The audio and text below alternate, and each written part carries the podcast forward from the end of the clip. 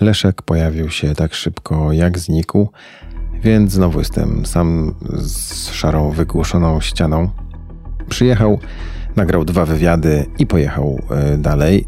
Obiecuję, że od przyszłego tygodnia będzie już tutaj ze mną, z nami wszystkimi, tak jak zwykle, czyli będzie tutaj siedział, patrzył na mnie i e, prowadził ze mną konwersację. No ale póki co go nie ma, więc musimy sobie wszyscy jakoś z tym poradzić razem. Leszek nagrał dwa wywiady. Nagrał wywiad z fryzjerem męskim, teraz bardzo modnie nazywanym barberem, z człowiekiem, który jest chyba trochę więcej, trochę bardziej niż fryzjerem męskim, bo jest, jak, się, jak wynika z rozmowy, spowiednikiem, trochę psychologiem, człowiekiem, który wysłuchuje męskich problemów, e, no i czasami pomaga w ich e, rozwiązaniu. Rozmawiał też e, ze stylistką, która opowiada o tym, jak się ubieramy, jak dobrze się ubierać i tanio, bo tu Leszek ewidentnie przez całą rozmowę mocno poruszał wątek pieniędzy i kosztów mody, kosztów tego, jak się ubierać, za ile. Jest to rozmowa o tym, jak zrobić, żeby fajnie wyglądać. To w tak w największym skrócie. A na koniec mamy rozmowę z y, człowiekiem orkiestrą, z człowiekiem, który wprowadza do Polski z wielkim zresztą powodzeniem taką malutką gitarkę, która nazywa się ukulele. O tym, że Poznań staje się stolicą tego e, świetnego, jak się okazuje, instrumentu. O tym, co się wydarzy w Poznaniu po raz siódmy między 2 a 4 e, czerwca i o tym, jak rozpocząć swoją przygodę z muzyką. Posłuchajcie.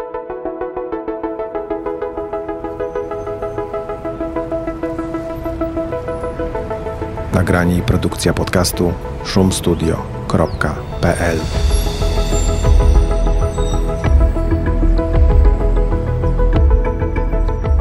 Pierwszym gościem, z którym rozmawiał Leszek Waligura jest Adam Schulz, znany poznański fryzjer męski, właśnie fryzjer, bo y, tak woli, żeby go nazywać. Niespecjalnie chyba lubi określenie takie bardzo ostatnio modne barber. Człowiek, który prowadzi swój salon wspólnie z dziećmi, fryzjer, który napisał trzy książki i facet, który ma dużo do przekazania światu. To jak dzisiaj tniemy? Krótko po męsku. To jest e, najczęstsze pytanie fryzjera? To pierwsze otwierające rozmowę. Nie pytamy już, jak tniemy. Teraz, już się, teraz już się pyta, w czym mogę pomóc. A. I to jest takie rzeczywiście y, może wzięte z jakichś korporacyjnych zachowań, czy z jakichś coachingów, ale rzeczywiście to się sprawdza. To jest takie sympatyczniejsze, bardziej, bardziej życzliwe, przyjem, przyjemniejsze chyba dla, dla, dla klienta. Pocięcie to, to już po pierwsze nie tylko się przychodzi do fryzjera, pocięcie. To też prawda. W większości jednak przychodzi się po tak zwane cięcie, ale pytanie, w czym mogę pomóc, też ustawia nas w pewnej takiej sytuacji. To my jesteśmy tutaj tym zawodem służebnym, to my jesteśmy tym, który mamy w jakiś, którzy mamy w jakiś sposób pomóc temu, który, który siada na fotel. Jakby od tego też momentu zaczyna się cała ta nasza gra. Klient, fryzjer, yy, bo pytanie, w czym mogę pomóc, yy, nie określa dokładnie odpowiedzi. I czasami jest inne odpowiedzi niż obciąć? No tak, oczywiście. Na przykład? No na przykład chciałem porozmawiać. Chciałem tutaj chwilę pobyć, chciałem do was przyjść, posłuchać muzyki, napić się kawy, posiedzieć z wami. To są bardzo często odpowiedzi.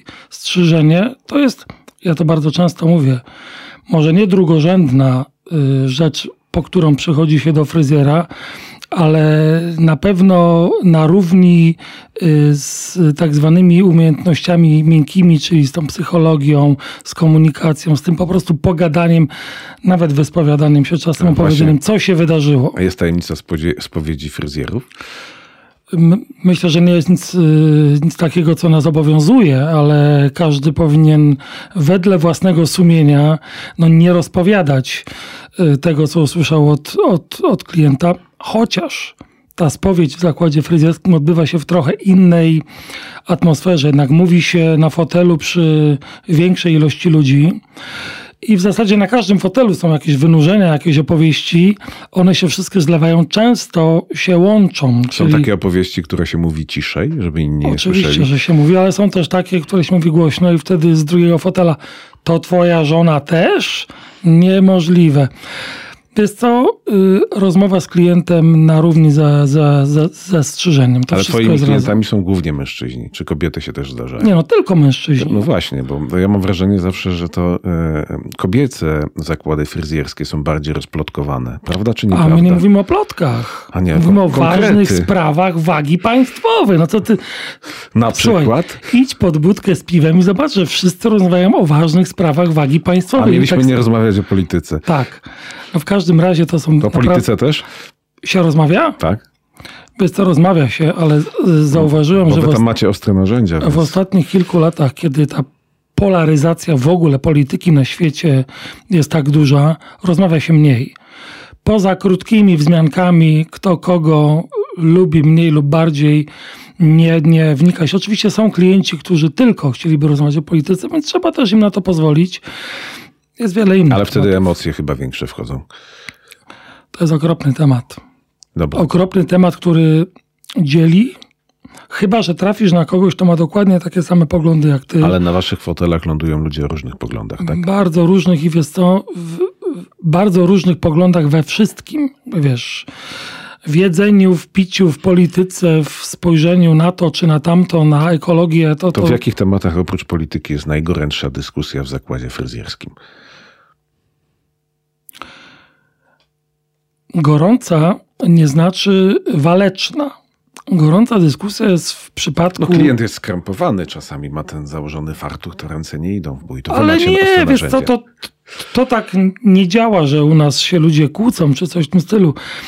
Y, Zawsze najwięcej emocji rozbudzają tak zwane sprawy damsko-męskie, czyli faceci opowiadają o swoich przygodach, historiach, co się komu przydarzyło, y, jakie mają problemy w domu. Im człowiek starszy, tym rozmowy do, dotykają spraw związanych z wiekiem z ilością dzieci, żoną kolejną lub tą samą, z problemami różnego rodzaju finansowymi i tak dalej. No to, to wszystko to, czym żyjemy na co dzień, a o czym jako faceci czasami nie chcemy mówić w domu, bo cały czas gramy rolę twardzieli, cały czas gramy rolę tych, którzy nie mają żadnych problemów.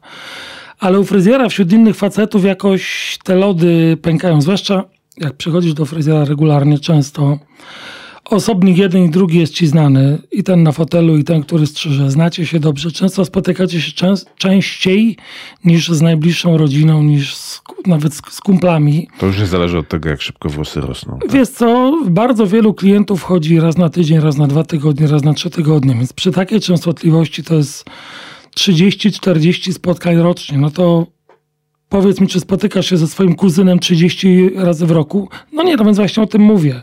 I tak samo z babcią, czy tam z, nawet z, z rodzicami, nawet jakbyś jeździł raz w miesiącu na obiad, no to jest raptem 12-15 razy. Więc tutaj te relacje są bliskie, wynikające z częstotliwości, z intymności tego zabiegu, bo jednak strzyżenie, golenie, jeden facet dotyka drugiego faceta, to zawsze jest coś takiego, wiesz co, y, może nie elektryzuje, bez przesady, ale co y, powoduje zbudowanie pewnej y, takiej wspólnej relacji. Do fryzjera trzeba mieć zaufanie, bo ma brzytwę.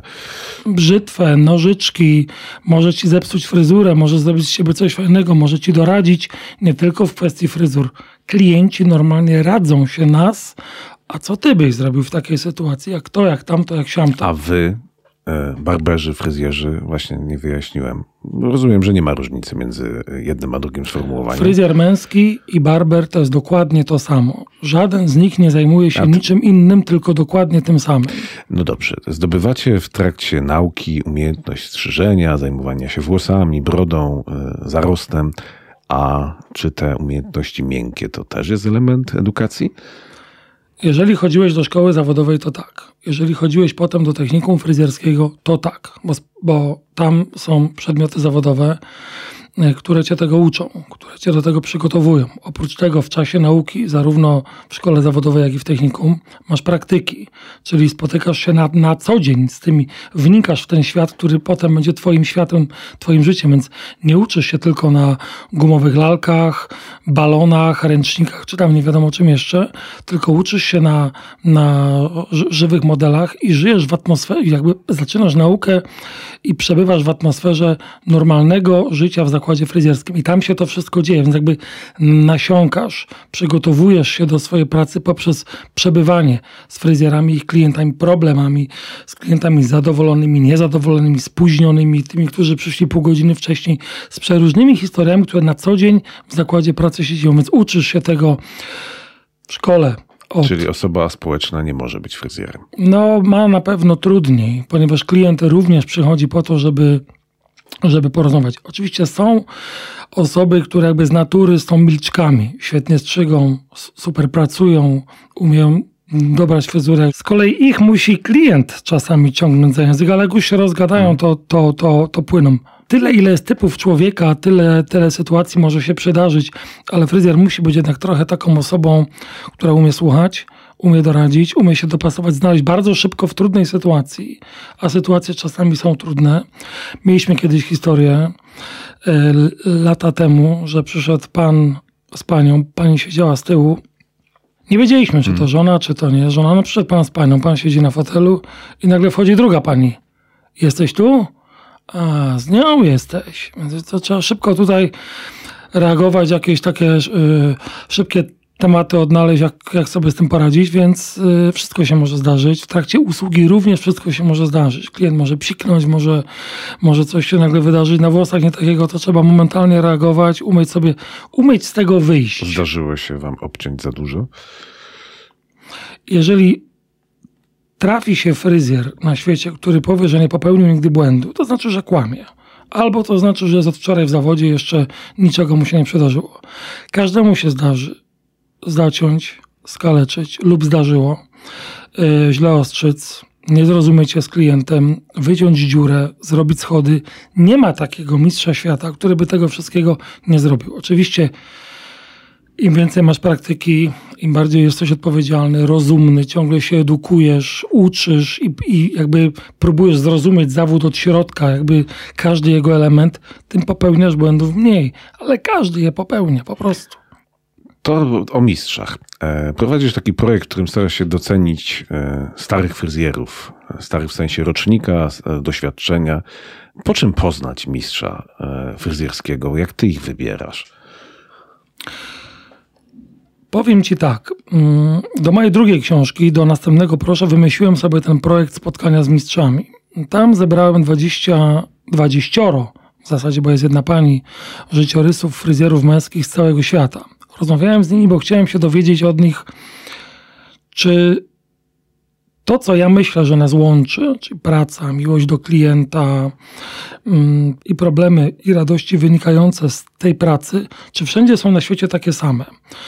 Okazuje się, że tak. To oczywiście to nie jest może od, odkrycie Ameryki, ale zawsze wszystko trzeba sprawdzić jakby empirycznie. Więc ja to, ja to sprawdziłem po, po rozmowach, że wszędzie mamy wszyscy takie same, takie samo podejście, takie, samo, takie same problemy i radości wynikające z pracy w tym zawodzie. A po czym poznać mistrza? Ja ci powiem tak. Yy, czasami szukam trochę na chybił trafił. Zadaję pytanie na przykład w mediach społecznościowych, czy ktoś zna fryzjera stąd lub stamtąd, bo tam się wybieram, chętnie się spotkam, chętnie porozmawiam. Dostaję informację, dzwonię, zapytam, a co, czy pan jest w ogóle chętny, czy chciałby pan porozmawiać? Prowadzę projekt. Pierwszy moment takiego spotkania jest zawsze trudny, zwłaszcza telefonicznie. Ludzie myślą, że ktoś chce ich naciągnąć na wnuczka, na policjanta, na pracownika gazowni albo kogoś, ale potem się oczywiście te lody pękają, bo okazuje się, że z tymi ludźmi nikt nigdy nie rozmawiał na temat zawodu. Rodzin, rodzin to zazwyczaj nie interesuje. To są często ludzie, którzy. Zawód jak każdy inny, tak? Zawód jak każdy inny. Tata chodził do pracy, żeby było co jeździć, tyle. Koniec, kropka. Kiedy ci fryzjerzy się odkrywają, to często są tak wzruszeni, że ktokolwiek wreszcie ich zapytał o coś, pokazują swoje umowy, dokumenty, zdjęcia fryzur i potem poznać mistrza, że oni kochają tę swoją pracę, że mają po 90 lat i często wciąż pracują w zawodzie albo w małym zakładzie, albo strzegą w domu znajomych, albo strzegą rodziny, albo już nie pracują i nad tym ubolewają. Albo tak jak no, jedna z najbardziej intrygujących osób chyba w ogóle ever w naszym zawodzie, czyli pan Antoni Mancinelli z Nowego Jorku, którego byłem kiedyś. Miał 108 lat i ciągle pracował przy fotelu. 8 godzin dziennie. A nie musiał. No, on już nic nie To musiał. nauk. On nic nie musiał. Wiesz, to jest tak, że jak facet przechodzi na, na emeryturę, to jego życie się w tym momencie kończy, nie? Facet niestety musi pracować do końca życia, albo chyba, że masz tyle pieniędzy, że możesz o tej, o tej wycieczce dookoła świata, o której mówisz całe życie, już nie tylko marzyć, ale rzeczywiście to zrobić, nie? Facet pracuje do końca życia, fryzjer? Nie wyobrażam sobie, że... Znaczy, ja będę, będę na pewno pracował jak najdłużej się da, natomiast Większość fryzjerów męskich do końca życia kocha zawód, chyba że z jakichś powodów zdrowotnych nie może go wykonywać. Tego wtedy nie wykonuje. A projekt spotkania z mistrzami jest jakby, ma, taki cel dwutorowy. Pierwszy jest taki, żeby oczywiście przypomnieć zapomnianych, takich trochę bezimiennych fryzjerów, nie żadnych mistrzów świata, którzy zdobyli puchary, tylko tych, którzy codziennie, każdego dnia szli do pracy, strzygli klientów, jakby budowali etos i etykę pracy, etykę zawodu, pewną organiczność tego zawodu. Czyli kryterium nie jest nie, umiejętność tworzenia ekstrawaganckich fryzur. Nie. tak. To w ogóle nie ma z tym nic wspólnego. Ilość przepracowanych lat jest ważna, miłość do, do zawodu, to czy umiesz o tym zawodzie opowiedzieć. Y, Są tacy, do których trafiłem, na przykład powiedzieli mi, nigdy nie lubiłem tego robić i nawet nie będę o tym opowiadał. To było najgorsze, co mnie w życiu spotkało. Takiego miałem jednego klienta, klienta, przepraszam, fryzjera starszego pana, więc go już więcej za język nie ciągnąłem i tego tematu nie ma.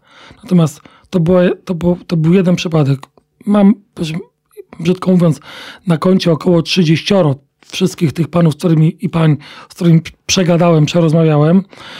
I wszyscy kochają pracę. Kochają pracę, pracują do późna, do, do oporu, ile się da, nawet jeżeli zdrowie nie pozwala. Zorganizowaliśmy ostatnio w ramach tego projektu z moimi znajomymi z różnych stron Polski. Yy, zaprosiliśmy różnych tych panów fryzjerów na ostatnie targi fryzjerskie w Poznaniu, które odbyły się w kwietniu tego roku, czyli całkiem niedawno. Dwóch z tych panów wystąpiło na scenach mniejszych, większych, opowiadając. To wzbudzało ogromne zainteresowanie zebranych, głównie młodych ludzi. Dlaczego? I to nie są rozmowy tylko dla fryzjerów. To są rozmowy o wszystkim, o, o życiu. Oczywiście one są dla, dla, dla fryzjerów, one mają być motywujące dla fryzjerów, ale one pokazują jedną ważną rzecz.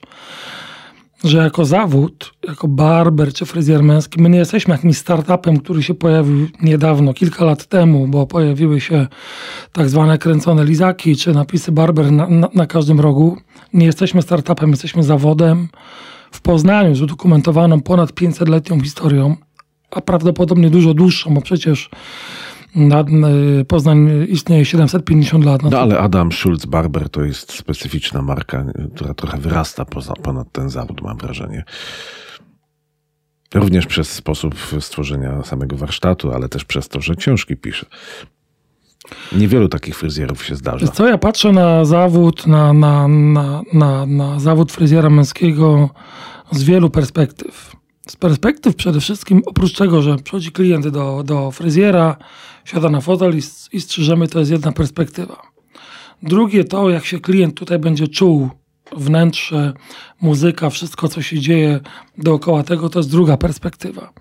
Trzecia perspektywa to jest szkolenie i e, edukowanie siebie czyli chodzenie na pokazy, obserwowanie i tak dalej. Czwarta perspektywa to jest edukowanie innych, czyli opowiadanie o zawodzie na scenach, opowiadanie z mojej perspektywy, uczenie takiego fryzjerstwa, jakie ja mam. I piąta perspektywa jest taka, że robimy coś dla branży. Dla zawodu, jak będziemy my postrzegani w przyszłości przez kolejne pokolenia fryzjerów, przez mieszkańców miasta, przez mieszkańców kraju, kim jesteśmy w, żywym, mm, w żywej tkance społeczeństwa, na ile potrafimy zbudować w tym zawodzie takie relacje, że zawód będzie szanowany, fryzjerzy będą szanowani, nie będą jak w czasach powiedzmy wczesnego średniowiecza na tym samym poziomie co kat, czy powiedzmy ten taki, te różne najgorsze zawody, czyli ci, którzy zajmują się ciałem na przykład, tylko rzeczywiście wyrastamy na osoby, które yy, pomogą, mają coś do powiedzenia, y, są rzemieślnikami, są spadkobiercami ogrom, ogromnych setek lat, lat tradycji, ale wciąż jakby osadzeni głęboko w przeszłości, wciąż patrzymy w przyszłość. Tak jest, tak jest moim zdaniem nowoczesne fryzjerstwo męskie. Y, I, I trochę ze starych czasów, z tego, co jest teraz i z tego, co będzie w przyszłości. Stąd ci starzy fryzjerzy jako takie zakorzenienie, opowiadanie, jak to było, przypominanie nam, że my nie jesteśmy tacy pierwsi ani na, najważniejsi i to samo my przekazujemy tym, tym kolejnym pokoleniom, czyli jakby wszystko dzieje się cały czas w takim pewnym ciągu. A da się tu jeszcze odkryć coś nowego? Cały czas się odkrywa coś nowego. Kiedy pisałem pierwszą książkę, zamieściłem tam chyba około 50 różnych fryzur, yy, dzieląc je na epoki od yy, czasów starożytnych do, do teraz. Może nawet więcej, może nawet było ich koło setki, już teraz nie pamiętam. W drugiej części było również koło setki opisanych różnych fryzur. W trzeciej części już nie robiłem specjalnego działu na, na, na, na fryzury, żeby nie było takiej powtarzalności, że, że ktoś by nie pomyślał, że tylko o fryzurach możemy pisać, ale pojawiło się znowu mnóstwo nowych fryzur. Odkrywamy cały czas nowe rzeczy, śledząc stare książki obserwując to, co się dzieje w subkulturach i obserwując to, co się dzieje w mainstreamie i to, co się, się dzieje powiedzmy na, na, na, świecie, już od czasu wydania mojej nowej książki, czyli w, w, od września tamtego roku pojawiły się nowe fryzury, pojawiają się ciągle nowe techniki, nowe pomysły na strzyżenie, nowe produkty, nowe pomysły na, na, na wystroje wnętrz, na to, w jaki sposób można pchnąć ten zawód y, w inne kierunki. To wszystko ubarwia, to wszystko dodaje takiego szacunku, ale też takich, tak, powiedziałbym, takiego y, czegoś szczególnego i wyjątkowego. Wiesz, to jest. Każdy fryzjer jest jakąś tam jednostką. Kiedy zakłady były spółdzielcze, w większości wszyscy, mówimy o latach 60., 50., 70., 80., wtedy wszyscy musieli w miarę trzymać się wystroju narzuconego przez plastyka spółdzielni, czyli...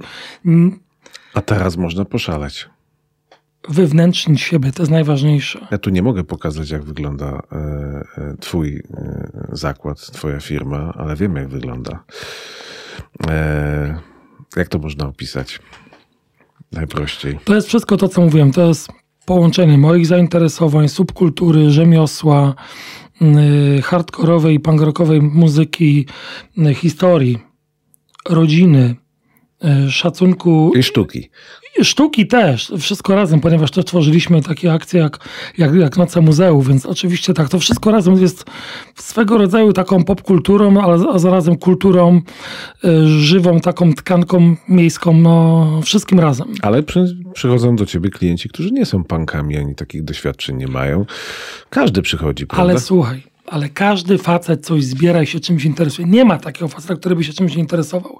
Wchodząc do takiego zakładu, w którym czuje, że ten gość się czymś interesuje, to jest prawdziwe, to, to nie jest oszukane, bo zapomniałbym dodać, że najważniejsze przy wystroju wnętrza w zakładzie fryzjerskim jest to, żeby to było twoje własne osobiste. Żebyś nie wrzucał słowa barbershop w internet, jak się pokażą rogi i cegła w większości, to robimy rogi i cegłę. Nie. Pomyśl, że to jest twoje, to jest twój lokal tak jakbyś chciał zrobić u siebie w pokoju, jakbyś chciał zrobić w garażu. Jeżeli grasz w zespole, zrób tam, yy, żeby, żeby się tam wszyscy czuli jak na próbie zespołu garażowego. Niech to będzie twoje osobiste i wymyślone. Nie musisz być ani punkiem, ani fryzjerem, ani nikim innym, żeby się tam czuł dobrze. Dobra, to ja teraz będę musiał zmierzyć do szczęśliwego końca. E, ile już książek były? Trzy? Było trzy? Trzy. Trzy. Będzie kolejna? Trudno powiedzieć. W tej, w tej serii, czyli w trylogii Fryzjer Męski, e, Następny Proszę i Krótko po męsku już nie będzie. Czyli jakby w tej formule takiej rozprawkowej jest koniec. Mam pewien pomysł i gdzieś tam to po, bardzo powoli realizuję, ale na razie nie. Piszę też bardzo dużo artykułów do prasy branżowej, więc to też mi trochę czasu zajmuje. Może kiedyś ktoś je wszystkie zbierze do, do, do kupy e, i, i będzie rzecz kolejna. Dobra, to e, ostatnia, póki co książka ma tytuł Krótko po męsku. Ile trwa obcięcie takiego delikwenta, jak ja powiedzmy u ciebie? U mnie osobiście mhm. do 15 minut. Ale wizyta nie trwa 15 Nie, minut. nie, wiesz co, to, to, to się rozpoczyna w momencie wejścia klienta. Tak? Klient siada, zdejmuje płaszcz, jest poprowadzony do, do, do kawomatu, siada, przegląda prasę, książki, tam mamy ogromną bi- bibliotekę, potem siada na fotel, potem rozmawiamy, więc jakby to, to jest wszystko coś, to jest wizyta. Ktoś nas odwiedził. U fryzjera, psychologa, przyjaciela. E, miało być krótko po męsku, no to już rozmawiamy dłużej niż te 15 minut. Jest po męsku. Jest po męsku. E, to na tym skończymy, ale mam nadzieję, że będziemy mieli jeszcze okazję porozmawiać. E, moim Państwa gościem był Adam Schulz, fryzjer męski. Bardzo dziękuję za rozmowę. Dziękuję.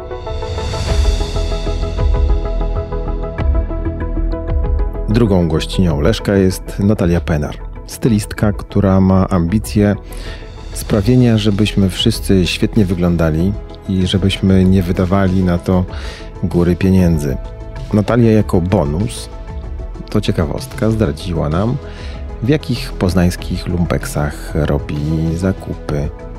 No, musicie tego posłuchać. Jak się ubierają poznaniacy? Panie redaktorze, bardzo trudne pytanie. A, to mówiłem, że będzie trudno. No, że, że nie będzie łatwo. Odpowiadając wprost, bo myślałam, czy być dyplomatką, czy, czy, czy, czy mówić autentycznie i prawdziwie, ale stwierdzam, że druga wersja no, będzie tą najlepszą. E, Będzie bolało. No, ale nie aż tak. Nie No chcemy dobra. dostać po tyłkach. Chcemy, żeby było e, konstruktywnie. Więc ja myślę, że mm, Poznaniak jest zachowawczy i, e, przepraszam, nie ma w, w tych ubraniach pewnej wyrazistości, pewnej kropki nad i. Jesteśmy szarzy, burzy. No tak trochę nie... Ym, tak trochę nie do, do, do, doprecyzowani. To znaczy, dla mnie moda ym, to, to nie tylko ubranie, za którym idzie gdzieś tam warstwa y, ochronna i użyteczna, ale dla mnie ubranie jest pewnym medium, gdzie za pomocą którego możemy wyrazić swoją osobowość, swój temperament, to kim jesteśmy, jakie mamy zainteresowania. Dużo w tej modzie się dzieje. A może my tacy jesteśmy poznańscy, tacy właśnie szarzy jesteśmy i tak się chcemy wyrazić. A może to się y, łączy z tym, że y, boimy się mm, być ocenieni? Y, bo- Chcemy równać do średniej, tak? No tak trochę boimy się y, wyjść y, poza ten szary tłum i, no i gdzieś tam tę ekspresję naszą y, okazać. To jest strach przed oceną. To, to na pewno. Nie wyróżniać. Dobrze. No. A y, poznaniacy od poznanianek czymś się różnią? Mm, No zdecydowanie tak. No muszę przyznać, że kobiety, w ogóle polskie kobiety są piękne i dbają o siebie. I... A mężczyźni brzydcy i się nie dbają, tak. Nie no, mężczyźni są super, ale mężczyznom brakuje, mm, myślę, pomysłu na siebie. E, Być może wynika to z, z, z ukierunkowania swoich zainteresowań w ogóle w innych obszarach, co jest, co jest oczywiste i, i fajne. I mm, to nie chodzi o to, żeby mężczyzna był przebrany i stroił się przed wyjściem przed lustrem, bo tego nie chcemy. Chcemy mężczyznę, który ma swój styl. I- Ale styl to jest czas i pieniądze. To dużo czasu zajmuje. ale to nieprawda. No nie wiem, no ja wchodzę do sklepu z ciuchami, zajmuje mi to trzy minuty No, i wychodzę. no. A te panie tam chodzą, wieszaki, przymierzanie, coś jeszcze, a może to, a może tamto, a może w paskie, może kropki. No tak, bo nas to, nas to gdzieś e, podnieca, tak? W sensie y, my to kochamy gdzieś. Kobiety, moda jest to, jest to bardzo bliskie, ale mm, nie szufladkowałabym, bo mężczyźni też fajnie lubią wyglądać. Ubrałam niejednego mężczyznę, mm, który, mm, no, któremu brakowało właśnie tej, e, tego pieprzu w rosole. I wystarczy czasami naprawdę kilka drobnych zabiegów, żeby dać fajny kierunek. I, i Dobra, też to na czym ten pieprz polega? przede wszystkim na... Uwaga, da, darmowe porady. no, będę później faktury wystawiała po odcinku. Dobra, to się nie przyznawać, że ktoś się przebrał po odcinku. No właśnie. Dobra, nie- to nie- jak, jak? Wracamy do No dobrego. dobra, dobra, dobra, do brzegu. Myślę, że przede wszystkim najważniejsze jest być y, w tym wszystkim y, sobą, znaleźć swoją niszę, w czym się czujemy dobrze, co nas określa, zna- znaleźć swoją gamę kolorów, bo przecież kolory to też jest nasza aura, one podkreślają naszą nie tylko osobowość, ale też naszą urodę. Mężczyźni też przecież mają urodę. A jak ktoś nie? lubi szary? No to co? Okej, dobra. No, no to co lubi? No to fajnie, to niech lubi i niech nosi, nie? Dobra. E, Coś tak. jeszcze? No pewnie. No myślę, że ponad wszystko, mm, no to jest jakość. Po prostu, No jakość kosztuje, mówiłem. ale nie. No to jak no to właśnie. nie? No oczywiście, jakość kosztuje ta, mm, powiedzmy, w tradycyjnej formie, czyli kiedy kupujemy w sklepach nowe rzeczy. Ale jakość y, możemy dostać również z drugiego obiegu w modzie cyrkularnej, czyli na przykład w second handach i Mhm. w vintage shopach. Możemy szukać tej jakości. No, ale tam jest oblężenie przecież. No jest. No właśnie, no to co? No co, no radzimy sobie, wchodzimy, No to- szukamy. Dobra, pytałem No. panią wcześniej i zapytam e, na antenie. E, Mhm. Ulubione second handy? No dobra, no dobra, no dobra. No to powiem tak, mam trzy, które mm, chętnie odwiedzam, e, jak jestem w Poznaniu i w zupełnie innych rzeczy szukam w tych trzech albo tych dwóch. Czyli dobra. Pierwszy to jest galeria MM w Poznaniu. Na samej e, górze jest taki jeden sklep fajny. Dobra, byłem. No i co? Jakie wrażenia? Nic dla siebie nie znalazłem. A no bo to jest taki sklep, w którym trzeba tak, mieć czasu trochę. No nie. Mhm. E, I trochę ja, ja to, to, to, to tak, jak wejdę do takiego sklepu, to rzeczywiście tak rzecz po rzeczy. I wchodzę bardzo często w sektory męskie jako kobieta, ponieważ tam można znaleźć świetne marynarki. E, Marynarki jakościowe, pięknie odszyte, marynarki vintage'owe, na lata. No i te oversize'owe marynarki męskie, jak zaadaptujemy To do może ja powinienem do damskiego zajrzeć. No czemu nie? Nie czułbym się. Nie, nie, nie, rozumiem. To, to nie o to chodzi. E, Natomiast e, no, w takich sklepach rzeczywiście można dostać jakościowe ubrania, jakościową tkaninę, jedwabie, kaszmiry, piękne wełny, świetne dżinsy. I to może nam służyć na lata. Okej, to był No. jeden e, MM. No, e, drugi to jest, e, Jezu, i to jest na e, Jeżycach, jest... e, Dąbrowskiego. Jak, jak? Na Dąbrowskiego. No, Też po schodkach w górę. Nie, nie, nie. Nie? To nie jest Nie? Dąbrowskiego. Dobra. Właśnie tak od rynku Jeżyckiego w lewo. Jaka to jest ulica? Ja tak z tymi ulicami. mm, No ale to właśnie tam, naprzeciwko rynku Jeżyckiego, dosłownie. A trzeci jest na Wildzie.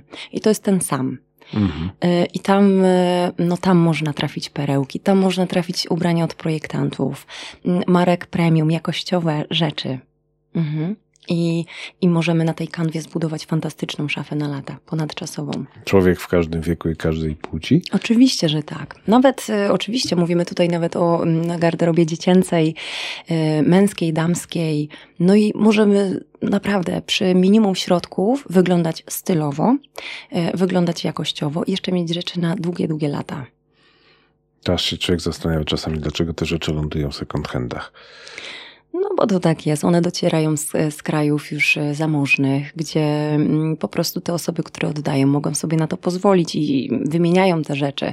Chociaż tam też świadomość się zmienia i myślę, że już globalny trend na mm, zrównoważenie w modzie, no to jest taki główny trend poza trendami, które. Czyli mniej nowych ciuchów. No, To też tak dobre dla planety, no ale czas i pieniądze znowu. Czas. No to jednak szukanie po second zajmuje trochę czasu. To nie prościej wlecieć do sieciówki. No nie prościej. No nie prościej. A To znaczy dla pani, pewnie- pani nie wlatuje. No ja nie, ja, ja, nie, ja już nie Ujma na humorze, ho- honorze, tak? No, ja już nie wlotuję. Ja wlatywałam oczywiście, kiedy, kiedy nie było sieciówek, kiedy pojawiały się te sieciówki. Oczywiście, że to było zachłyśnięcie się i w ogóle super, super, Mm, że mogliśmy dotknąć, dotknąć tej mody z wielkiego wybiegu za przystępne pieniądze, bo to przecież jest wszystko kopiowane.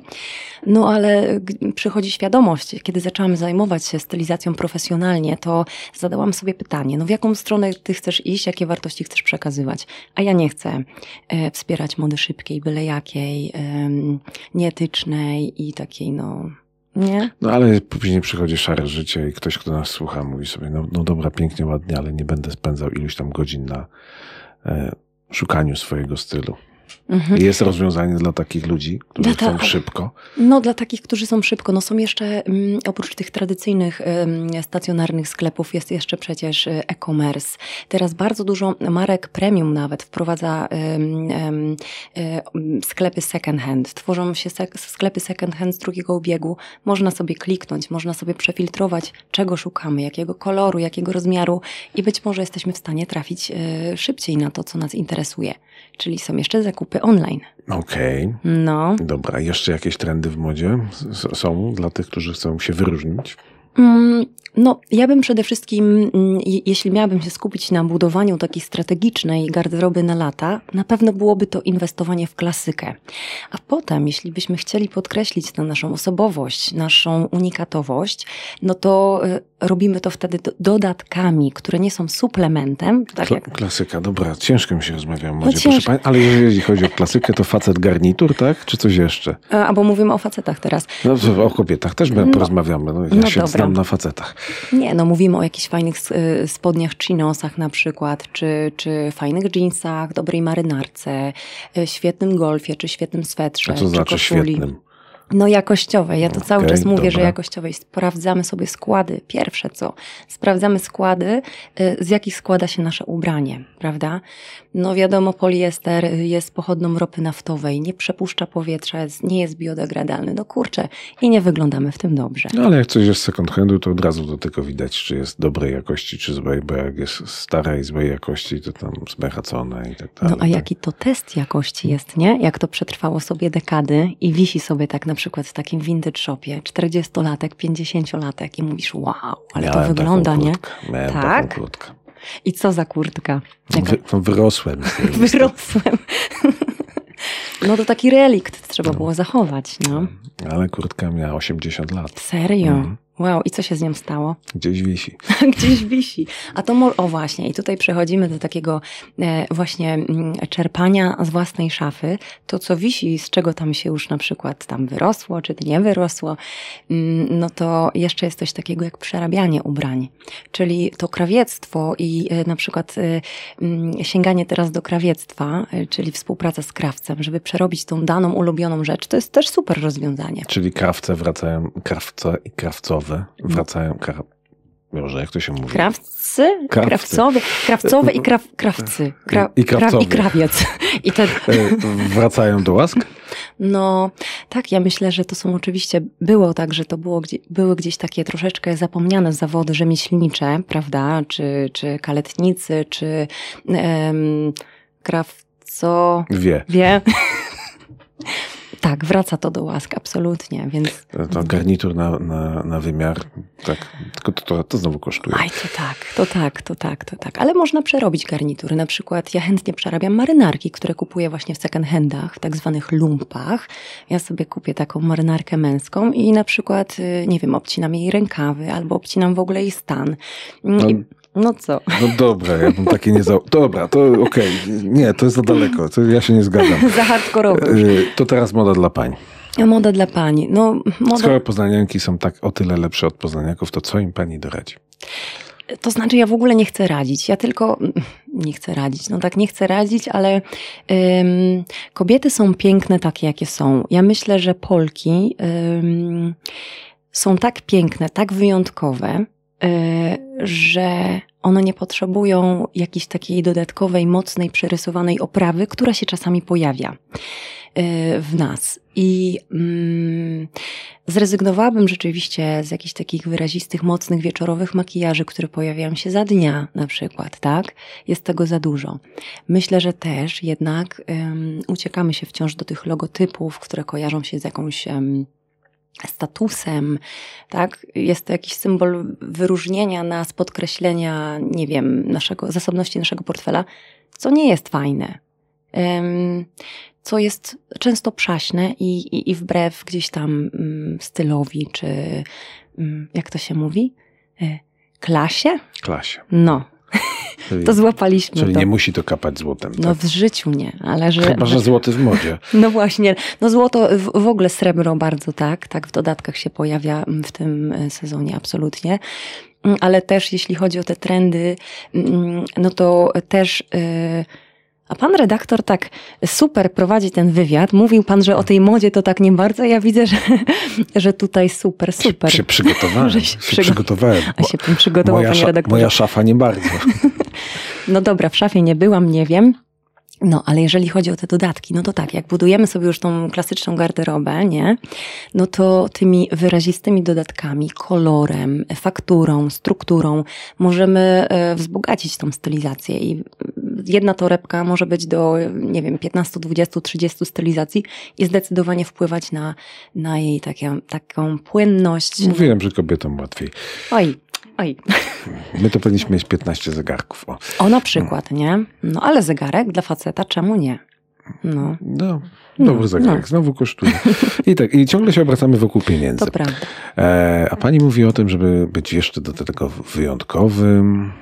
Rany, to nie ma mody dla biednych ludzi. Jest. No właśnie jest. Ja to o tym przekonuję, że to są te second handy, to są te vintage shopy. My możemy w tych second handach kupić sobie mm, bluzkę, kupić sobie marynarkę, płaszcz z fantastycznej jakości. Możemy go e, przerobić e, za pomocą e, krawca. I, I tutaj ten kontrapunkt, znowu wracamy do punktu wyjścia. Second hand jest tani, ale niektórzy powiedzą, że sieciówka jest tańsza. I tutaj się pojawia kwestia jakości. No prawda? tak, zdecydowanie. E, w mojej rodzinie się często mówiło, że jestem za biedny, żeby kupować tanie rzeczy. Dokładnie. E, one są naprawdę tak złej jakości, te sieciówkowe rzeczy. One są bardzo złej jakości. Coś, coś co kosztuje 100 zł, w rzeczywistości jest wyprodukowane za ile? 5? Bardzo często się tak zdarza. Po prostu mm, powiedzmy sobie, że te wszystkie fabryki, one muszą wyrobić normy. Raz, że praca jest e, w bardzo ciężkich warunkach, mm, No to najczęściej nie w Polsce. no najczęściej nie w Polsce. E, Wyrabia się niesamowite e, normy. Ludzie pracują w ciężkich warunkach, nadgodziny, za małą płacę, no i tam nie ma możliwości, żeby uszyć to e, jakościowo, więc sprawdzamy w takich sieciówkach, jeśli już kupujemy. Nastawiamy się na mm, przede wszystkim na tkaniny naturalne, ale Mhm. to też bawełna bawełnie nierówna, ta bawełna też zużywa ogromne ilości wody. I teraz patrzymy na szwy, zwracamy na to uwagę, patrzymy, czy w butach nie wystaje klej. A co do butów też, to odradzam. Odradzam kupowanie w sieciówkach, ponieważ to jest suplement do na przykład kolekcji, kolekcji ubrań i te buty są często peł, pełne toksyn. My sobie nie zdajemy z tego sprawy, ile tam jest kleju, ile ta, tam jest chemii, toksyn, które później wnikają do naszego ciała. Okej, czy da się ubrać w Poznaniu, po poznańsku, z poznańskich produktów, od poznańskich producentów? Hmm.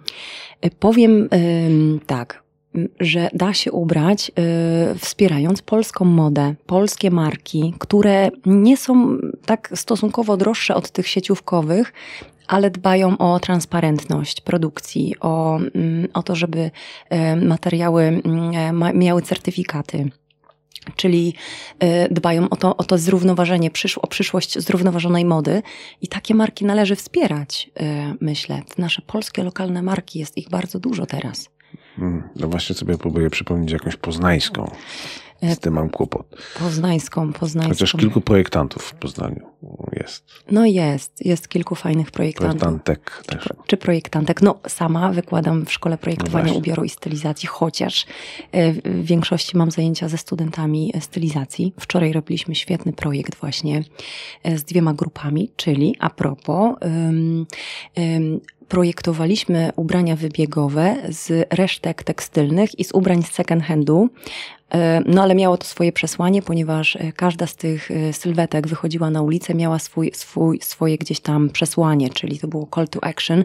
To już wchodzimy w takie grubsze tematy, ale takie pobudzające mm, społeczność, pobudzające wchodzące w dialog, czyli na przykład e, non-binary, e, czyli, czyli, czyli coś, e, jak, jakby tutaj mówimy już o zacieraniu się tych granic w modzie pomiędzy płciami na przykład. Na przykład ciało niczyje. Kiedy jeden z moich studentów, mężczyzna, taki dosyć postawny, założył e, obcasy, miał świetną kreację, taką od Kitir niemalże, no śmieję się oczywiście, ale e, ciało niczyje, co dotyka na przykład tego, co się dzieje obecnie z kobietami, e, z ich ciałem, z, te, z tym, że nie możemy decydować o sobie, mm, o, o, o na przykład e, aborcji, kiedy dzieje się źle. To Nie? ubranie potrafi tyle rzeczy wyrazić? E, Akurat to był projekt artystyczny. Chcieliśmy trochę wyjść, sprowokować ulicę Poznańską i zrobiliśmy naprawdę chaos niezły wczoraj. Udało się? No, Prowokacja się udała. Udała się prowokacja, no. E, Mieliśmy taki performance, weszliśmy w tych ubraniach tak bardzo wyrazistych i zwracających uwagę E, i e, robiliśmy taką prowokację w głos, śmieliśmy, śmialiśmy się, śmialiśmy się, nie? Tak się mówi. No, że śmialiśmy się w głos tak teatralnie, tak przesadnie. To, to był taki trochę śmiech oznaczający ten tłum, który sobie kpi z, róż, z, z, z, jak to się mówi, inkluz, nie no, inkluzywność, jak to powiedzieć, no z tej takiej inności.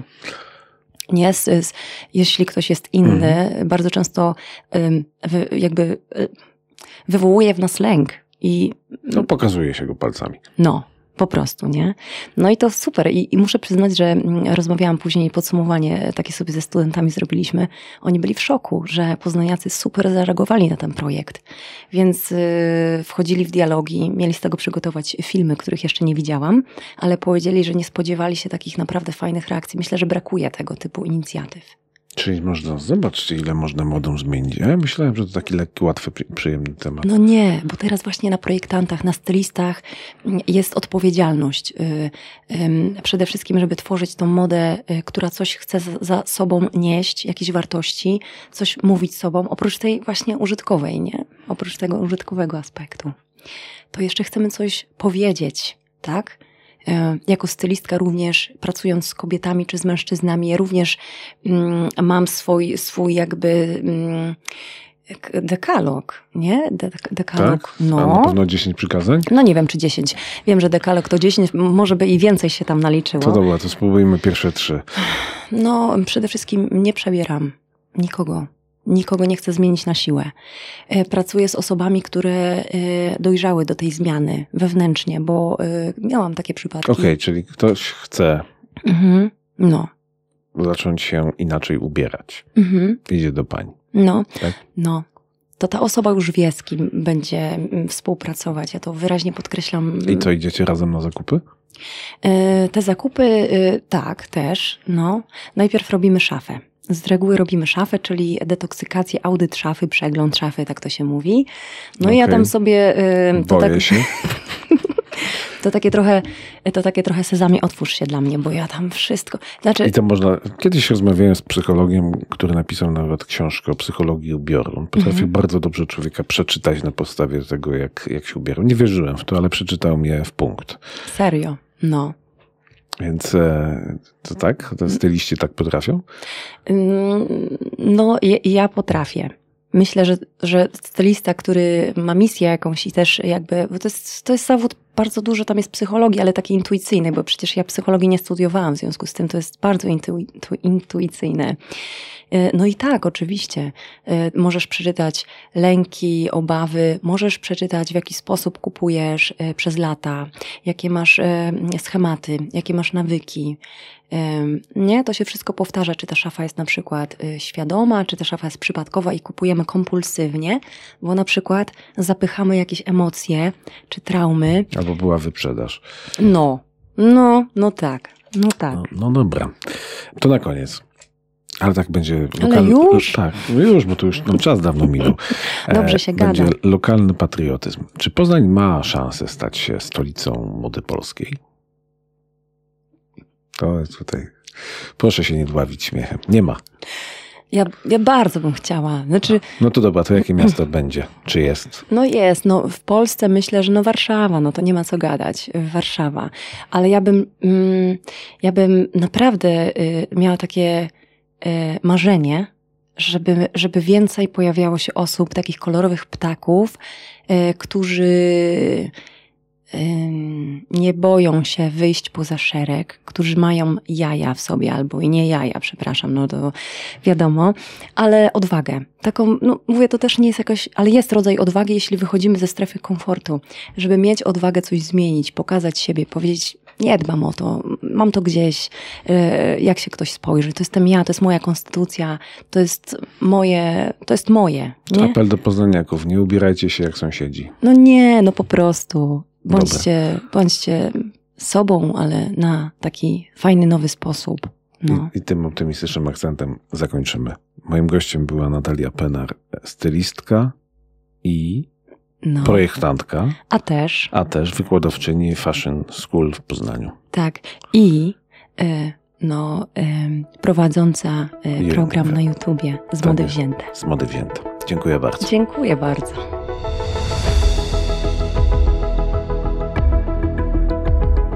A trzecim gościem 13 już odcinka podcastu poznańskiego, druga wersja jest Piotr Kończal. Człowiek, który siódmy raz zrobi festiwal ukulele, który uwielbia ten instrument który ściąga muzyków z całego świata tylko po to, żebyśmy posłuchali, jak grają na tym instrumencie. I facet, który robi mnóstwo świetnej roboty, byśmy wszyscy, nawet ci e, ze zdepniętym muchem, tak jak ja, bawili się tworzeniem muzyki.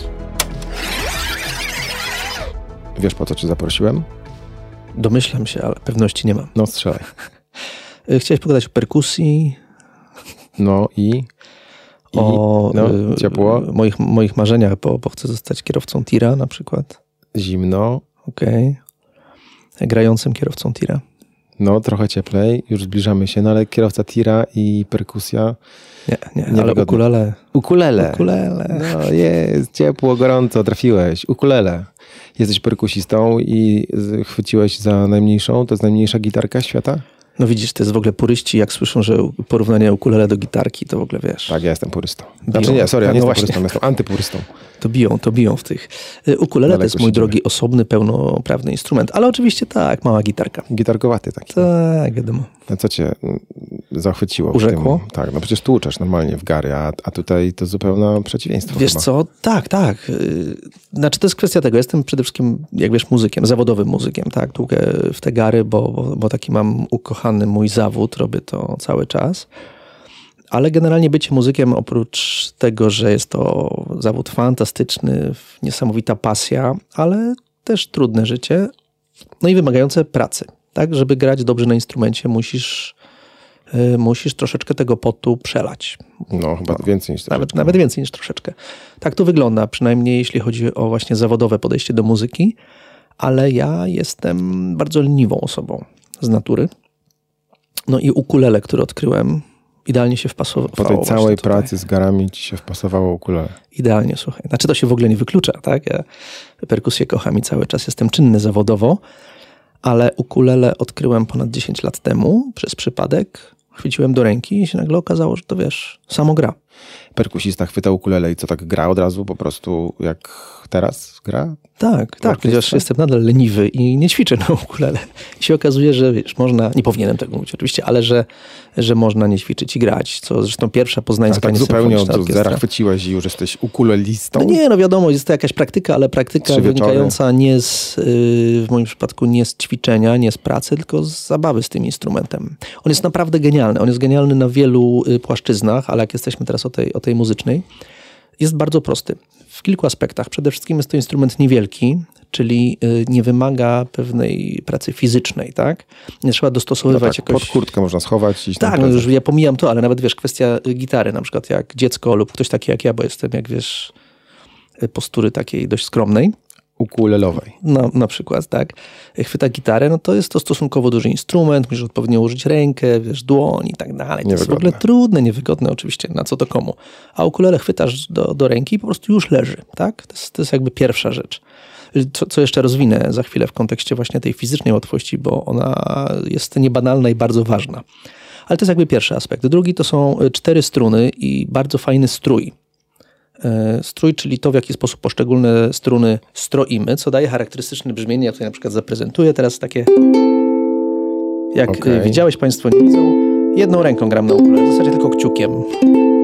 Tak już ładnie brzmi, prawda? Już jest wyspa, Hawaje, dość ckliwie. I to jest właśnie coś fantastycznego, że y, strój tego instrumentu powoduje, że Czyli dźwięk. Dźwięk, Ten- tak, tak, okej. tak. Strój, czyli jakby po ludzku. układ, układ dźwięków na tych czterech poszczególnych O, e, to już strunach. zbliżamy Tak, się do tak, czegoś, tak, co, tak. Sorry, sorry. rozumieć. Powoduje, że można sobie właśnie chwycić i nie znając akordów, niczego sobie trącić te struny i już masz wrażenie, kurczę, Podkładu gram, muzycznego. gram, gram, wiesz. Tak, a to wrażenie. No tak, no a to, to jeszcze tutaj rozwinę, tak?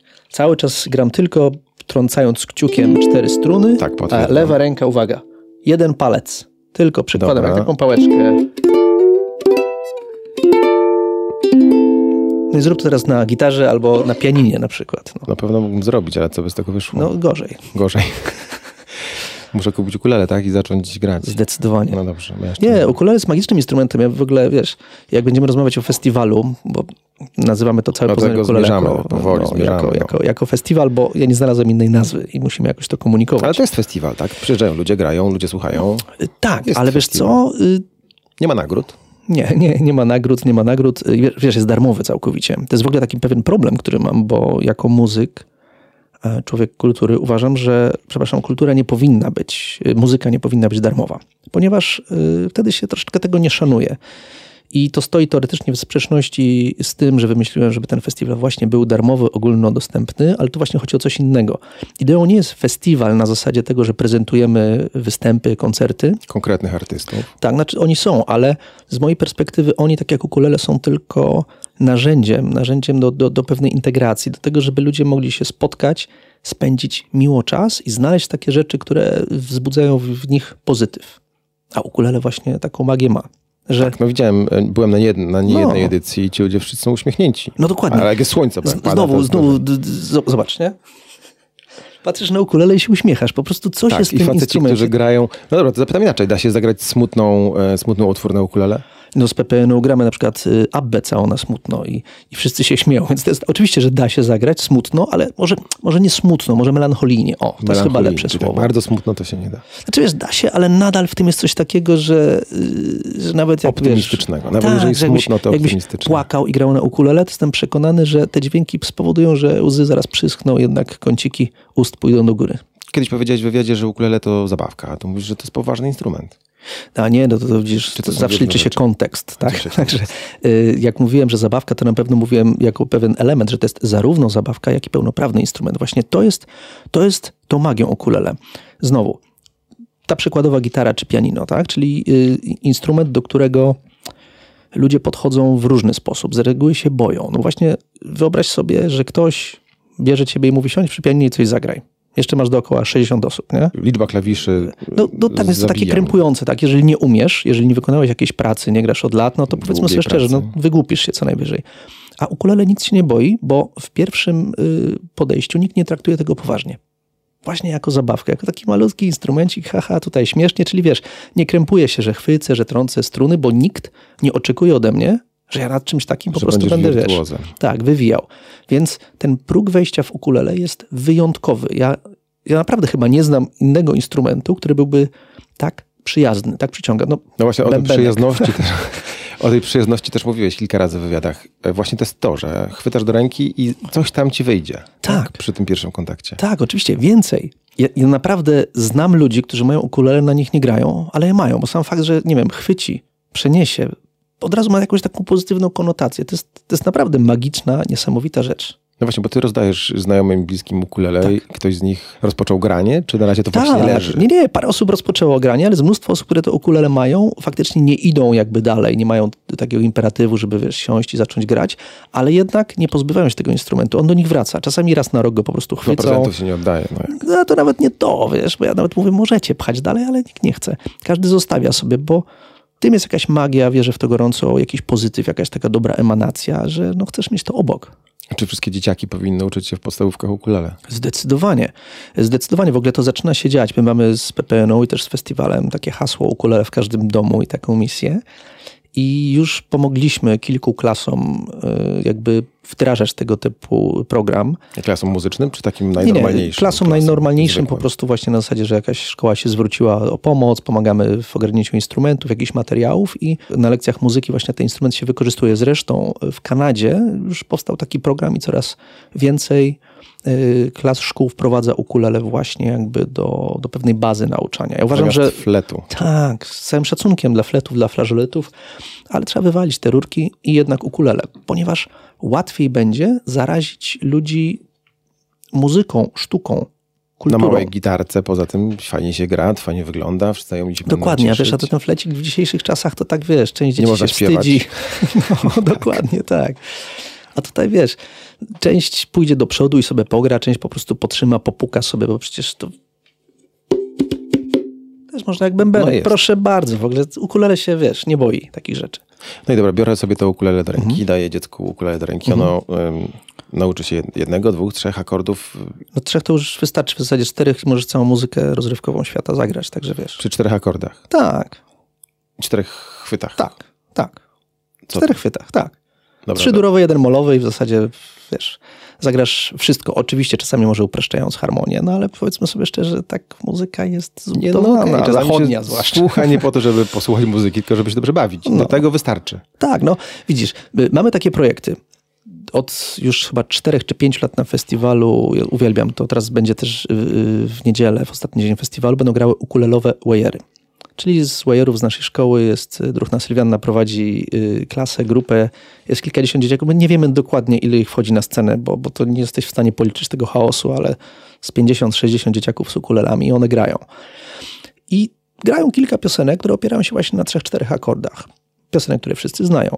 Od zeszłego roku, w tym roku również będzie kolejny projekt, który, który wymarzyłem parę lat temu sobie i stworzyłem, to są senioruki, czyli grupa poznańskich seniorów grających na ukulele. Ludzie w sile wieku, tak, nie mający wcześniej styczności z muzyką, którzy odważyli się, jak zaproponowałem, przyszli, dostali ukulela i w tej chwili, wiesz, grają na przykład podsiadło, nie? Czy Zalewskiego. Grupowo. Tak, oczywiście. No, bezpieczniej trochę tak. jednak zawsze. Tak, ale wiesz co, to jest niesamowite, jak właśnie Y, obserwuję ich na próbach. Wiesz, to są ludzie, którzy się poznali tutaj w tym projekcie. I oni są po prostu przeszczęśliwi. Oni nie mogą doczekać się próby. I ta próba to nie jest tylko i wyłącznie muzykowanie, to jest spędzanie czasu. Ukulele jest interfejsem, jest tylko narzędziem, do tego mówię to całkowicie świadomie, z mojej perspektywy, do tego, żeby po prostu łączyć ludzi, żeby, żeby odważali się na jakąś emanację, na danie czegoś z siebie, na odebranie czegoś od kogoś innego pozytywnego. I taka jest rola chyba, festiwalu Cały Poznań Ukulele. To jest chyba właśnie funkcja muzyki też, że, e, że ona bardzo mocno zbliża. Ja zawsze zazdrościłem muzykom i też na przykład wam na scenie, jak mhm. wygraliście, że potrafiliście się tak świetnie przy tym bawić, ale ukulele, z tego co ty mówisz, tak bardzo obniża ten próg tej dobrej zabawy, bo możesz tak, wziąć próg wejścia, właśnie to, tak. i grać. Wiesz, na festiwalu mamy też y, tak zwaną małą, małą scenę open mic, gdzie każdy, naprawdę każdy może po prostu przyjść, zapisać się dostać swoje trzy minutki, wejść zagrać. Nikt nie ocenia, czy to jest świetne, czy to jest średnie. To, to zupełnie nie o to chodzi. Chodzi o po prostu podzielenie się swoją potrzebą, radością. I to jest też niesamowite, bo przychodzą ludzie, którzy naprawdę potrafią coś zagrać, zaśpiewać, a przychodzą ludzie, którzy nie mają tutaj jakichś wielkich ambicji, żeby komuś coś udowadniać, tylko po prostu mają w sobie jakiś pozytyw, którym chcą się podzielić, wyrzucić to z siebie i wchodzą na taki mały Hyde Park, po prostu grają trzy akordy i coś tam krzykną i wszyscy się cieszą. Jest pięknie jakieś trzy lata temu widziałem dziewczynę, która na Open Micu zaczynała, a potem wylądowała na głównej scenie. Zgadza się, tak. tak. No wiesz, festiwal teraz będzie już siódma edycja, całe Poznaniu Kulele, także że troszeczkę historii już, już za nami. Wychowaliście I... takie małe pokolenie. Tak, tak, tak, tak. Naprawdę. No, y, Ukupola Lele, czyli Dypola Landsberg, która z nami jest właśnie chyba od... Zaczęła jako pięciolatka, teraz ma 11, no czyli y, szósty raz już jest na festiwalu, już normalnie, wiesz, w dorosłym line-upie. Zapytam cię o taką rzecz, na której ja na przykład odpadłem, jak się zaczynam uczyć na gry na gitarze, no, mianowicie na strojeniu. No. Pani powiedziała, no dobra, to teraz y, nastrojcie gitary. No i... Powodzenia. No właśnie. znaczy, wiesz, Zrezygnowałem. To są, to są dwa aspekty, bo w ogóle już, yy, wiesz, no powiedzmy sobie szczerze, no, nie, nie masz już 20 lat, więc pewnie jak grałeś, zaczynałeś na tej gitarze, to też były inne czasy. W tej chwili jakby no technologia tak, tak pomaga, że strojenie nie jest już tak trudne, ponieważ w smartfonie masz darmowy tuner i możesz sobie y, możesz sobie tę, tę gitarę czy ukulele stroić, albo masz takie małe elektroniczne strojki, które nawet nie musisz słyszeć, ponieważ on ci pokazuje światełkiem, czy jesteś, wiesz, w dobrym stroju. Czyli ten próg wejścia na strojenie ukulele to jest w ogóle trzy sekundy i każdy to zrobi, nawet ktoś, kto jest głuchy. A jak już masz nastrojone ukulele, no to proszę to bardzo, świat grać. stoi przed tobą otworem. Czyli ukulele i smartfon i, i gramy. Oczywiście. To jak mówisz, że to tak strasznie łatwo zagrać, mhm. to teraz mam dla ciebie wyzwanie. Zagraj coś, czego jeszcze nigdy w życiu nie grałeś. Oż ty. Widziałeś? Oż ty. Wiedziałem, że to ci się na pewno spodoba. Tego chyba nigdy nie grałem, wiesz? Tak, ale to ja też potrafię zagrać. A tego nie wiesz. Okej, okay, nie wiem, dobrze. To teraz zagraj kawałek czegoś, co potrafisz. Co, co wszyscy co, umią. Co wszyscy umią, tak. I co, co już grałeś Dobrze, razy? Właśnie by pokazując, że, że na dwóch akordach można grać piosenkę. Mamy taką pioseneczkę na dwóch akordach, bardzo proste. Można sobie nucić, śpiewać z nami. Cały Poznań, ukulele, cały Poznań, ukulele. Patrzę i są dwa akordy. Poznań, ukulele. Doszliśmy do festiwalu. Co w tym roku i czemu się będzie różnić? I w ogóle czym będzie się czymś różnić? Czy musi się różnić od poprzednich? No, mam nadzieję, że nawet, że się nie będzie różnił, bo poprzednie były świetne. Pamiętam, jak się skończyła zeszłoroczna edycja, sobie tak myślałem, kurczę, nie zrobimy już lepszego. Może zrobimy większy, ale lepszego nie, ponieważ to wszystko, na czym nam zależało, miało miejsce i, i też wierzę, że będzie miało miejsce w tym roku. Czyli właśnie ludzie, wiesz, dużo ludzi dużo takiego pozytywnego klimatu. To naprawdę wisi w powietrzu. No, uwielbiam to. Ale wracając do tegorocznej edycji, no poszliśmy krok A do to przodu. zapytam jeszcze o ten Mhm. klimat. Y, Często powtarzają się wykonawcy. Tak. To dobrze, czy to źle? To dobrze. Z mojej perspektywy, a jestem osobą jakby odpowiedzialną, więc tutaj No biorę to na klatę. Pytam szefa. Uważam, że bardzo dobrze, wiesz, mamy swoją renomę y, w Europie. Mówimy to uczciwie, z dumą, że jesteśmy największym ukulelowym festiwalem w Europie. I tu nie chodzi, wiesz, o jakąś pychę, tylko też o pewną inkluzywność tej naszej imprezy. To jest to, co... co Czyli to ty wybierasz, czy to on? Czy nie, nie, nie, oni to o tym za chwilę, o tym za chwilę. O tym za chwilę. Chodzi mi y, a propos inkluzywności, że w ogóle y, ukulele, mimo że to jest rzecz bardzo popularna, coraz popularniejsza i, i coraz dostępniejsza, to ukulele już jest naprawdę wszędzie, W to... Biedronce kiedyś były ukulele. Tak, tak. Ja tu jeszcze mógłbym parę sklepów podrzucić, ale wiesz, nie wiem, czy Możemy. Tu w tym to. programie... w Lidlu, w Carrefourze. Okej, wiesz, no ale tak. były, a już chyba nie ma. To jakoś Nie ma, no to to- może to- się to pojawią wiesz. przed festiwalem. Bardzo, nie wiem, czy ze, zwią- ze względu na festiwal, ale... Były ale- i znik, znikły, więc... No tak, bo to wiesz, po znikły. prostu, bo to znowu, to wiesz, no, takie, takie, wiesz, biedronkowe, lidlowe, to można było kupić za 70-80 zł, to wiesz... Da się to, na tym grać? Na początku? Wiesz co, Powiedzmy, tak, tak. tak, ja uważam, że, że na początek tak, bo znowu no, to jest kwestia nastrojenia. Jak ktoś nie jest obeznany z muzyką, to wiesz, no nie jest purystą, nie będzie oceniał, czy to ukulele pięknie brzmi, czy, czy brzmi troszeczkę gorzej. Bardziej chodzi o ten kontakt, dotknięcie tego. No to jest w tym, w tym Czyli kontekście... do pierwszego kontaktu instrumenty tak, z, tak, z tak, supermarketów tak. są ok i za na tym zamykamy tak. temat. Oczywiście, że tak. Y, Gdzie byliśmy? Byliśmy przy festiwalu. Przy festiwalu. I tym, jak wybierasz, w jaki sposób, czy oni się Y, ciebie tak, zgłaszają? że, bo zacząłeś od tego, że się, że się powtarzają, że Tak. y, to był mój świadomy wybór i dzięki temu na przykład mamy spore grono wykonawców, którzy wracają do Poznania i czują się związani, są swoistymi ambasadorami też naszego miasta i festiwalu i to jest fantastyczne. Wiesz, jak zaczynaliśmy, nikt nas nie znał w Europie. Znali ludzie PPN-u, pierwszą poznańską symfoniczną A orkiestrę były ukulele. festiwale? Tak, no festiwale są, są od lat w, w Europie. To jest, na zachodzie to jest w ogóle bardzo popularny y, w różnych kręgach sposób spędzania czasu. Ludzie się spotykają, mają śpiewniki i sobie po prostu grają wspólnie na tych ukulelach i śpiewają. Ale wracając. Y, Marka naszego, naszego festiwalu tak fajnie poszła w Europę w świat, że w tej chwili to jest kwestia tego, że ludzie się zgłaszają i my decydujemy po prostu, kto. Zawsze staramy się powtarzać właśnie cały czas nazwiska, żeby była ta integracja. Bo mówię, to nie jest festiwal na tej zasadzie, że wiesz, my tu szukamy kurcze. Jak tu dać fantastycznego wykonawcę, żeby ludzie tutaj do nas przyszli? To, to nie jest to. Dla, dla mnie wykonawca jest mniej ważny od publiczności. To chodzi o tą integrację, o ten pozytyw, o to, co ukulele może robić w naszych życiach, ten mały instrument. Czyli powtarzają się ci sprawdzeni. Tak, ale znowu nie pod kątem, że wiesz, o, to jest świetny wykonawca, tylko po prostu ktoś, kto ma znowu pozytywną emanację, po prostu, wiesz, zażarło tutaj między nim a ludźmi. I, i to jest fantastyczne, bo wiesz, tworzą się przyjaźnie między e, osobami z publiczności, które wracają na festiwal i kurczę, no, małymi gwiazdami nawet, ale z zachodu. Ci ludzie się znają, wiesz, wymieniają sobie rozmowy, uwagi na socialach. Jest taka fantastyczna integracja. No, ale nadal staramy się oczywiście też iść do przodu w tym kontekście, żeby żeby było jeszcze fajniej, jeszcze lepiej, jeszcze pokazywać y, więcej, jeśli chodzi o to ukulele. No i w tym roku po raz pierwszy na żywo, bo już w poprzednich edycjach łączyliśmy się online na przykład y, z Honolulu, ale po raz pierwszy na żywo będziemy mieli prawdziwych Hawajczyków i to, i to tuzy ukulelowe, bo Jody Kamisato, Virtuos i Honoka, czyli takie też nazwisko, jedno z tych Honoka Azita, które na początku zaczęły się pojawiać w internecie, jak YouTube y, ruszał i to ukulele zaczęło, wiesz, zawładnęło zbiorową wyobraźnią, także tak, także Honoka będzie. No udało mi się wreszcie po latach też namówić nazwisko, osobę y, bardzo mocno kojarzoną z ukulele w Polsce, czyli Julkę Pietruchę, która przyjęła zaproszenie PPN-u i też z nami w Nie kooperacji. Wiesz co, to nie jest, że nie chciała, bo ona była zawsze bardzo pozytywnie nastawiona, ale no wiesz, jak to jest. No ale w tym roku będzie Gwiazdy, pierwszy raz. Budżety, no, tak, no. Okej, Poza Poznań. No, no, dokładnie. dokładnie. Także, także Julkę się udało namówić i bardzo się z tego powodu cieszę. No ja tutaj, wiesz, mógłbym wymieniać, ale mamy kilkadziesiąt y, koncertów, występów w programie. Licząc te zespołowe, duże, ja nie wiem, pewnie ze 150 wykonawców się przewinie, ale chciałbym też wspomnieć o projekcie, który, mm, który już będzie tradycyjny dla naszego festiwalu, bo drugi raz na koniec festiwalu będziemy mieszać ukulele z muzyką klasyczną, z instrumentami klasycznymi. W zeszłym roku był to koncert na żywo wieniawski na ukulele, czyli e, zagraliśmy na żywo projekt, który stworzyliśmy dla Towarzystwa imienia Henryka Wieniawskiego e, w słynnym 2020, gdzie wziąłem na warsztat utwory naszego mistrza Wieniawskiego i zrobiłem je tak troszeczkę inaczej Po swojemu? po swojemu, zbrukałem. Zbrukałem ukulelem i moją wyobraźnią. Ale to się bardzo spodobało, no i zagraliśmy to na żywo, a w tym roku idziemy krok dalej. Y, projekt nazywa się Uku w operze. Oczywiście Będzie w w kontekście operze? brzmienia upiór w operze i bierzemy na warsztat y, arie operowe, operetkowe, ale także... Będziesz śpiewał arię? Oczywiście.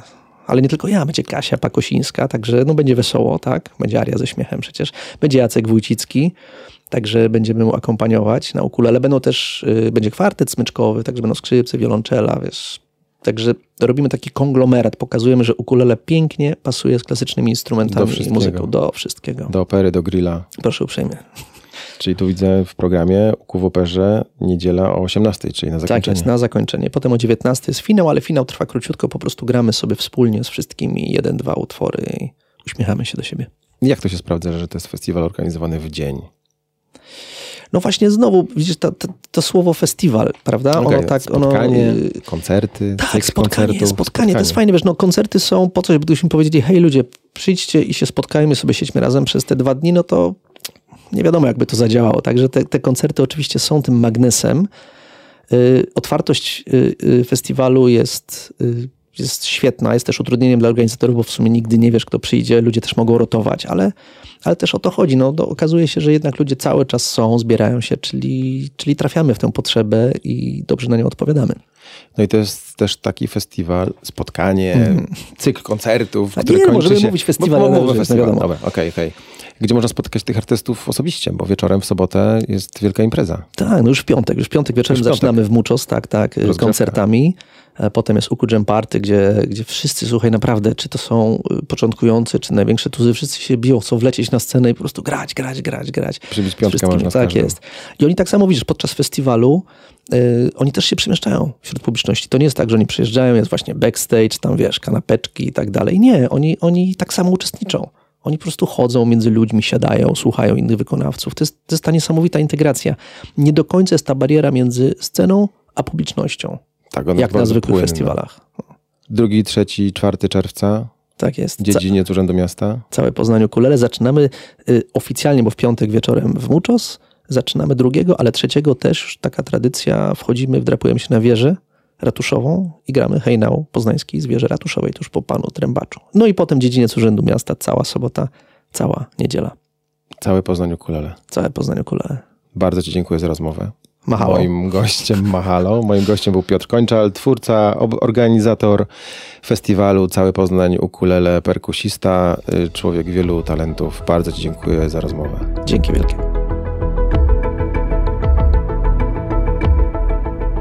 I w trzynastym odcinku podcastu poznańskiego druga wersja to wszystko. Za tydzień, zgodnie z zapowiedziami, ale te zapowiedzi już trwają i trwają i trwają, więc może nie przywiązujmy się do nich za bardzo. Spotkałem się z Państwem we dwóch, z Leszkiem Waligurą, który będzie siedział naprzeciwko mnie. Zaprosimy Państwa m.in. do rozmowy o poznańskim biznesie i będziemy mieć też inne tematy. Dziękuję Wam bardzo za dziś. Do usłyszenia.